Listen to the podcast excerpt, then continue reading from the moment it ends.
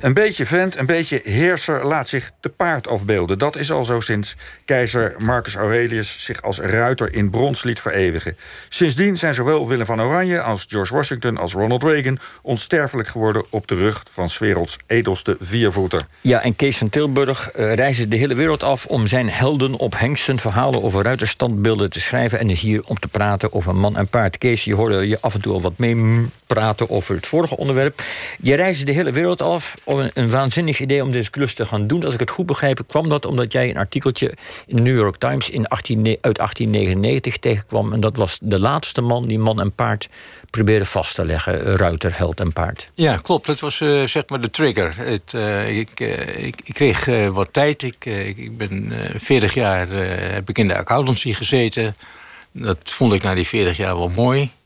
En daar ben ik me opgehouden, mooie tijd gehad. En ik begon andere dingen. En toen kwam ik dit artikeltje tegen. En ik was al geïnteresseerd in uh, ruiterstandbeelden.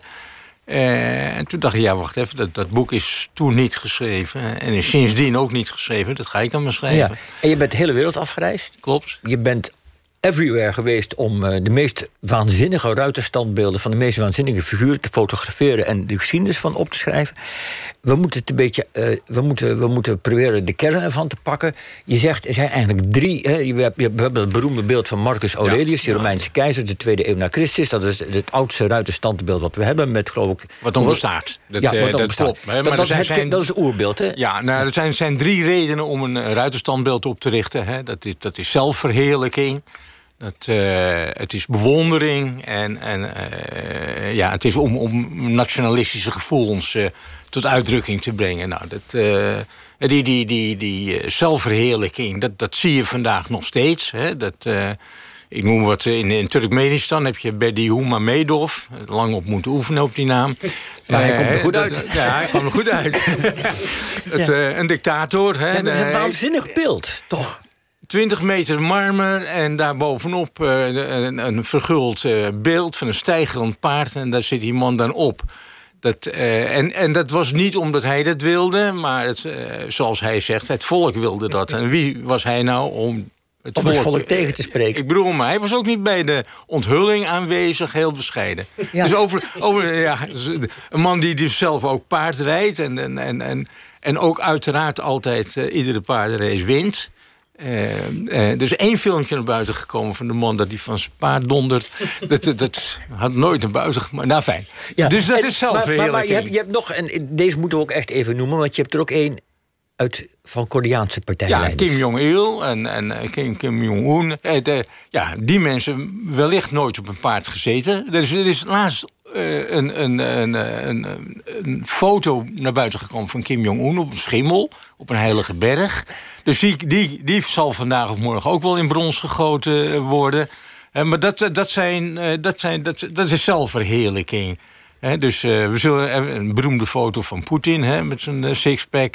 Die, die man die zal ook wel eens een keer op, in brons op een paard worden gezet. Dat, dus, is Poetin er nog niet op een paard?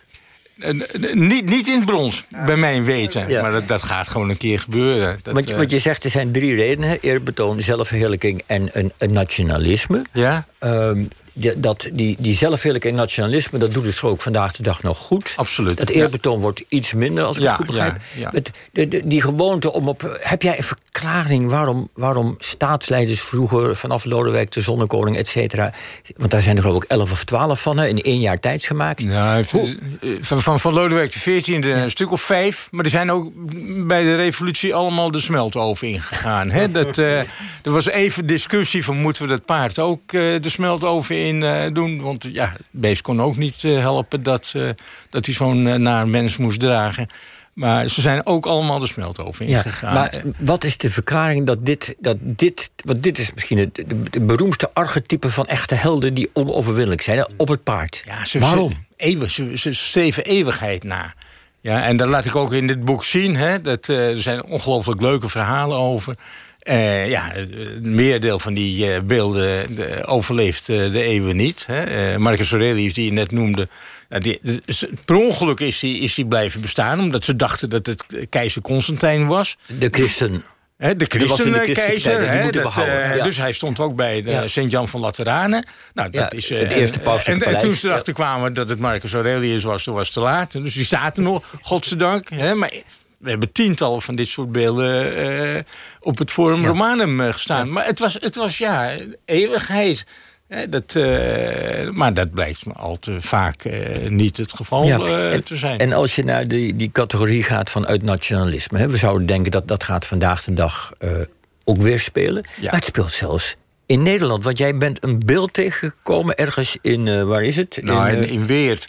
Ja, vertel. Dat is de Graaf van Hoorn. Hè? Dus, dus het is, eh, weer 400, eh, ruim 400 jaar Egmond en geleden. Hoorn, geëxecuteerd op, van, van de Graaf van Hoorn. 1568. En, en Egmond eh rolde. Hè? Ik heb altijd gedacht van de Hoorn, dat is Hoorn. En Egmond, dat is daar Egmond aan zee. Nou, dus niet. Hè? De, de Graaf van Hoorn, dat is ergens in de buurt van Weert. En, eh, en eh, eh, Graaf van Egmond staat ergens in, in, in, in, België. Nou, Graaf van Egmond heeft een ouverture van niemand minder dan Beethoven gehad. En in Weer dachten ze, ja, potverdorie. We hebben heel, ze hebben helemaal geen bekendheden daar. We hè. hebben ja, dus- alleen Johnny Hoes. En de zangeres zonder naam, geloof ik. En, en, en Gerard Reven heeft Oh, er ja. een tijdje gewoond. Dus, nou, maar toen, toen hebben ze dus eh, de graaf eh, van Hoorn eh, opgeduikeld. Hebben ze geld bij elkaar gezameld. Hebben hoe een, zit het een beeld van gemaakt. Hoe zit het met de dames?